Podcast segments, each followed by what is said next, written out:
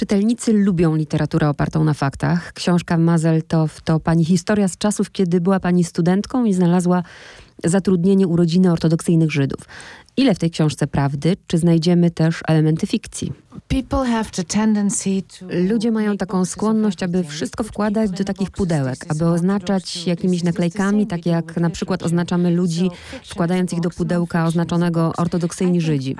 Podobnie jest z literaturą. Lubimy coś opisywać jako powieść albo książkę typu non-fiction, ale są to tylko pewne oznaczenia.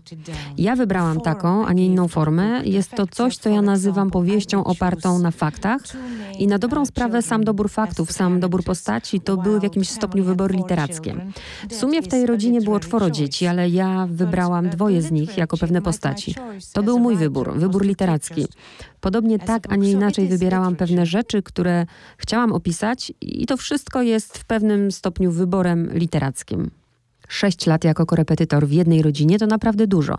Wiemy z książki, że inni rezygnowali albo z nich rezygnowano. Pani spędziła tam długie lata. Jak pani myśli, w czym tkwiła pani siła? Tym bardziej, że ubiór, na przykład spodnie w trupie czachy, to nie było coś, co mogło budzić zaufanie.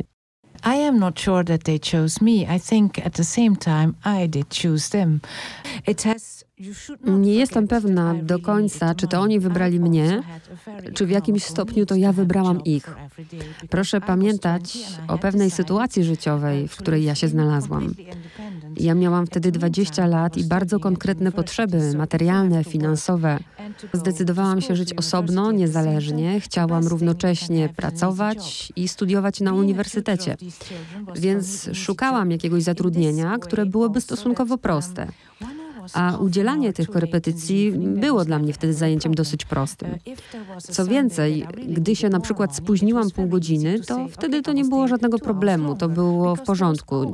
Jak potrzebowałam więcej pieniędzy, to mogłam na przykład popracować z dziećmi dłużej dwie godziny, bo zawsze było coś do zrobienia.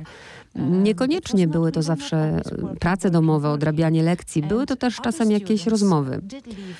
Jeśli chodzi o inne osoby, które wcześniej tam pracowały, znam jedną osobę i nawet zadałam pytanie jednej z dziewczyn, dlaczego odeszła. Na co ona odpowiedziała, że wszystkie te dzieci były tak strasznie rozpuszczone. A ja mówiąc szczerze, w ogóle nie miałam takiego wrażenia. W związku z tym być może to zależy od tego, kto obserwuje daną sytuację, bo wtedy dochodzi się do różnych wniosków. Nigdy nie odczułam, że te dzieci są rozpuszczone. Przecież one się tak strasznie dużo uczyły, zważywszy na obciążenie pracą. Nawet jeśli żyły troszeczkę pod takim szklanym kloszem. No i trzeba też pamiętać o tym, że Elzira była to uczennica, która miała swoje specjalne potrzeby. Zawiązała się między nami dosyć specyficzna więź. Ona była mi bardzo bliska. Może dlatego zostałam dłużej. Stałyśmy się dla siebie bardzo ważne. Może też dlatego ja starałam się E, jeszcze bardziej. To książka też o tym, jak bardzo różnorodna jest społeczność żydowska na całym świecie. Co panią najbardziej zaskoczyło, zaszokowało w ich obyczajach?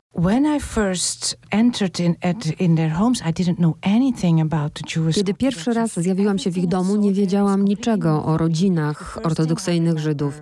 Wszystko więc było dla mnie nowe, ale taką pierwszą rzeczą, która naprawdę była dla mnie szokiem, to było małżeństwo Elziry. Małżeństwo zaaranżowane. Z tego co wiem, ona miała wtedy 20 lat, była mi bardzo bliską osobą. W związku z tym życzyłam jej jak najlepiej. A w moim pojęciu w tworzeniu związków bardzo ważny był indywidualny wybór, jak i też kwestia przypadku. Więc na dobrą sprawę przeżyłam to jako szok. Oczywiście jej małżeństwo okazało się wielkim sukcesem, ale wtedy oczywiście tego nie wiedziałam, że tak to będzie wyglądało.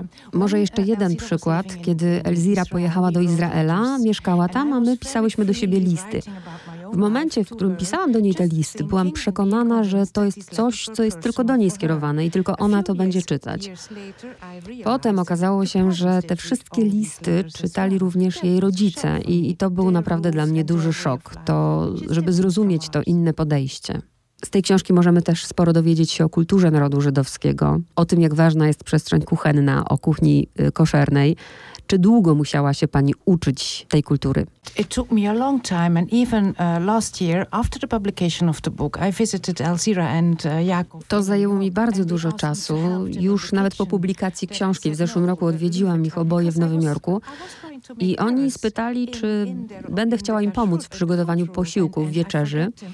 Oczywiście nie chciałam, ponieważ miałam takie wrażenie, że mogę po prostu, że mogę nie chciałam, ponieważ wiedziałam, że mogę o wszystkim nie pamiętać, o tych wszystkich zasadach i nie będę w stanie ich przestrzegać. Jak przygotować te koszerne potrawy. Ja tym nie żyję. Dla nich to stanowi część systemu, to są ich zasady. Y, kolejny przykład, który mogę podać, to moment, kiedy zjedliśmy posiłek y, i było tam mięso. Ja miałam ochotę napić się kawy z mlekiem. Oczywiście to jest niemożliwe, ponieważ po posiłku mięsnym trzeba odczekać od 6 do 7 godzin, zanim można jeść produkty mleczne. W niektórych restauracjach koszernych oczywiście można dostać mleko sojowe, ale to są rzeczy, które dla nas na co dzień nie są naturalne. W Polsce myślimy o sobie tolerancyjni. A jacy są Belgowie? I think uh, tolerance depends on how the economy in a country is, for example. Jeśli chodzi o mnie, myślę, że tolerancja zależy od tego, jaka jest sytuacja gospodarcza. Widzimy już co najmniej od 10 lat, że ta sytuacja gospodarcza na świecie się pogarsza i dlatego też pogarsza się sprawa z tolerancją. Ale też y, mam nadzieję, że to się zmieni. Jeśli chodzi o tolerancję, na pewno zależy ona od wielu czynników. Y, pojawiają się na przykład uchodźcy, y, ludzie po prostu się ich boją. Łatwo jest zareagować i powiedzieć, nie bójcie się, bo nie ma czego, ale to nie jest takie proste, bo tego nie można nakazać, to nie jest rozkaz. Tolerancja na dobrą sprawę powinna być, jest czasownikiem. Innymi słowy, to jest czynność, to jest coś, nad czym powinniśmy cały czas i nieustannie pracować. Ta powieść to też intymna historia o traumach, o neurozach, które Żydzi no, musieli nieść na swoich barkach podczas II wojny światowej. W wielu przypadkach wybierają milczenie. Z tej książki nawet wynika, że Schneiderowie nie do końca opowiadali dzieciom tę historię. The, the children learn about uh, the Holocaust and, and, and Dzieci w tej rodzinie oczywiście uczyły się o Holokauście, ale uczyły się w szkole. W rodzinie, w domu to był temat tabu. W ogóle nie mówiło się na ten temat, kiedy przyjeżdżała babcia. Jeśli chodzi o państwa Schneiderów, oni na ten temat nie rozmawiali. To był ich indywidualny wybór, ale podobnego wyboru dokonywało wiele innych rodzin w Antwerpii. Elzira, córka państwa Schneiderów, cierpi na dyspraksję, zespół niezgrabnego dziecka. Schneiderowie nie chcieli, żeby to się wydało w ich społeczności. Czy to znaczy, że wstydzili się Elziry? Uh, it's, it's a good question.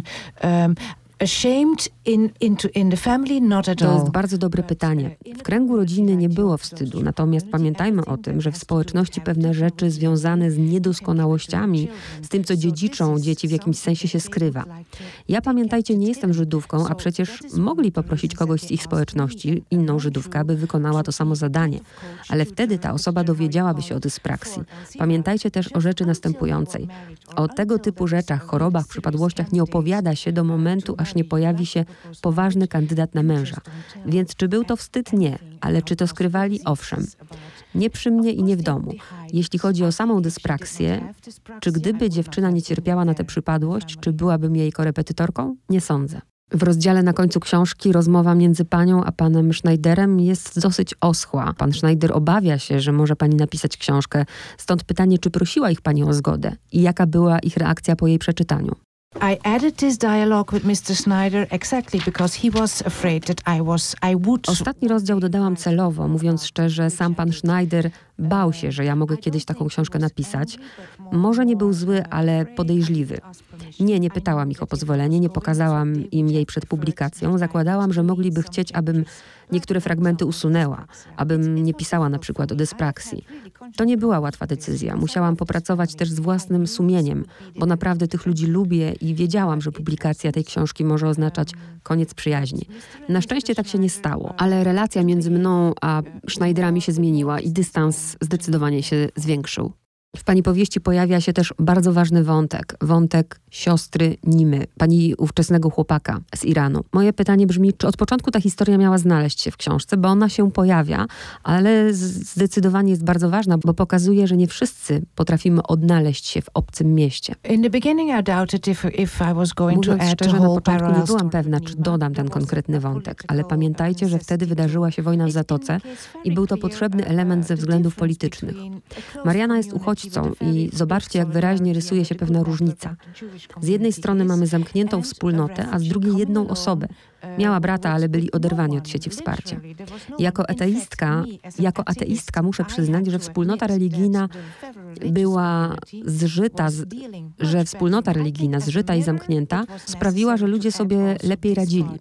W związku z czym opowieść jest pewnego rodzaju lustrem, które przyłożyłam po to, aby lepiej to pokazać. Chociaż sama miałam wątpliwości, czy jest to konieczne. A jak było z tytułem? Kiedy powstał pomysł na tytuł? When I was writing the book, um, Tytuł pojawił się w trakcie pisania, zwłaszcza było to bardzo silne, kiedy Elzira wyszła za mąż. To była bardzo duża zmiana w jej życiu. Tak jakby odeszła ode mnie, miała teraz wieść nowe życie razem z jej mężem. Dlatego tytuł ten też jest taki mocno symboliczny. Na koniec zapytam, czy ten kontakt nadal jest stały? Kiedy ostatni raz pani kontaktowała się z Elzirą lub Jakowem? Też, m- more or less. Z Jakowem kontaktowałam się mniej więcej 3-4 miesiące temu, a z Elzirą jakieś 4 dni temu. Tak, bo tam właśnie jest czas świąteczny, niedawno było Yom Kippur, dlatego to jest też okazja, żeby odnowić kontakt. A jeśli mam być szczera, to właśnie w tej chwili w moim komputerze jest niedokończony mail, w którym opisuję jej właśnie wizytę tutaj w Polsce. Bardzo dziękuję za tę rozmowę. Książkę Mazeltow będę polecać jako lek na strach przed innością. It's very important what you say. It's uh, fantastic.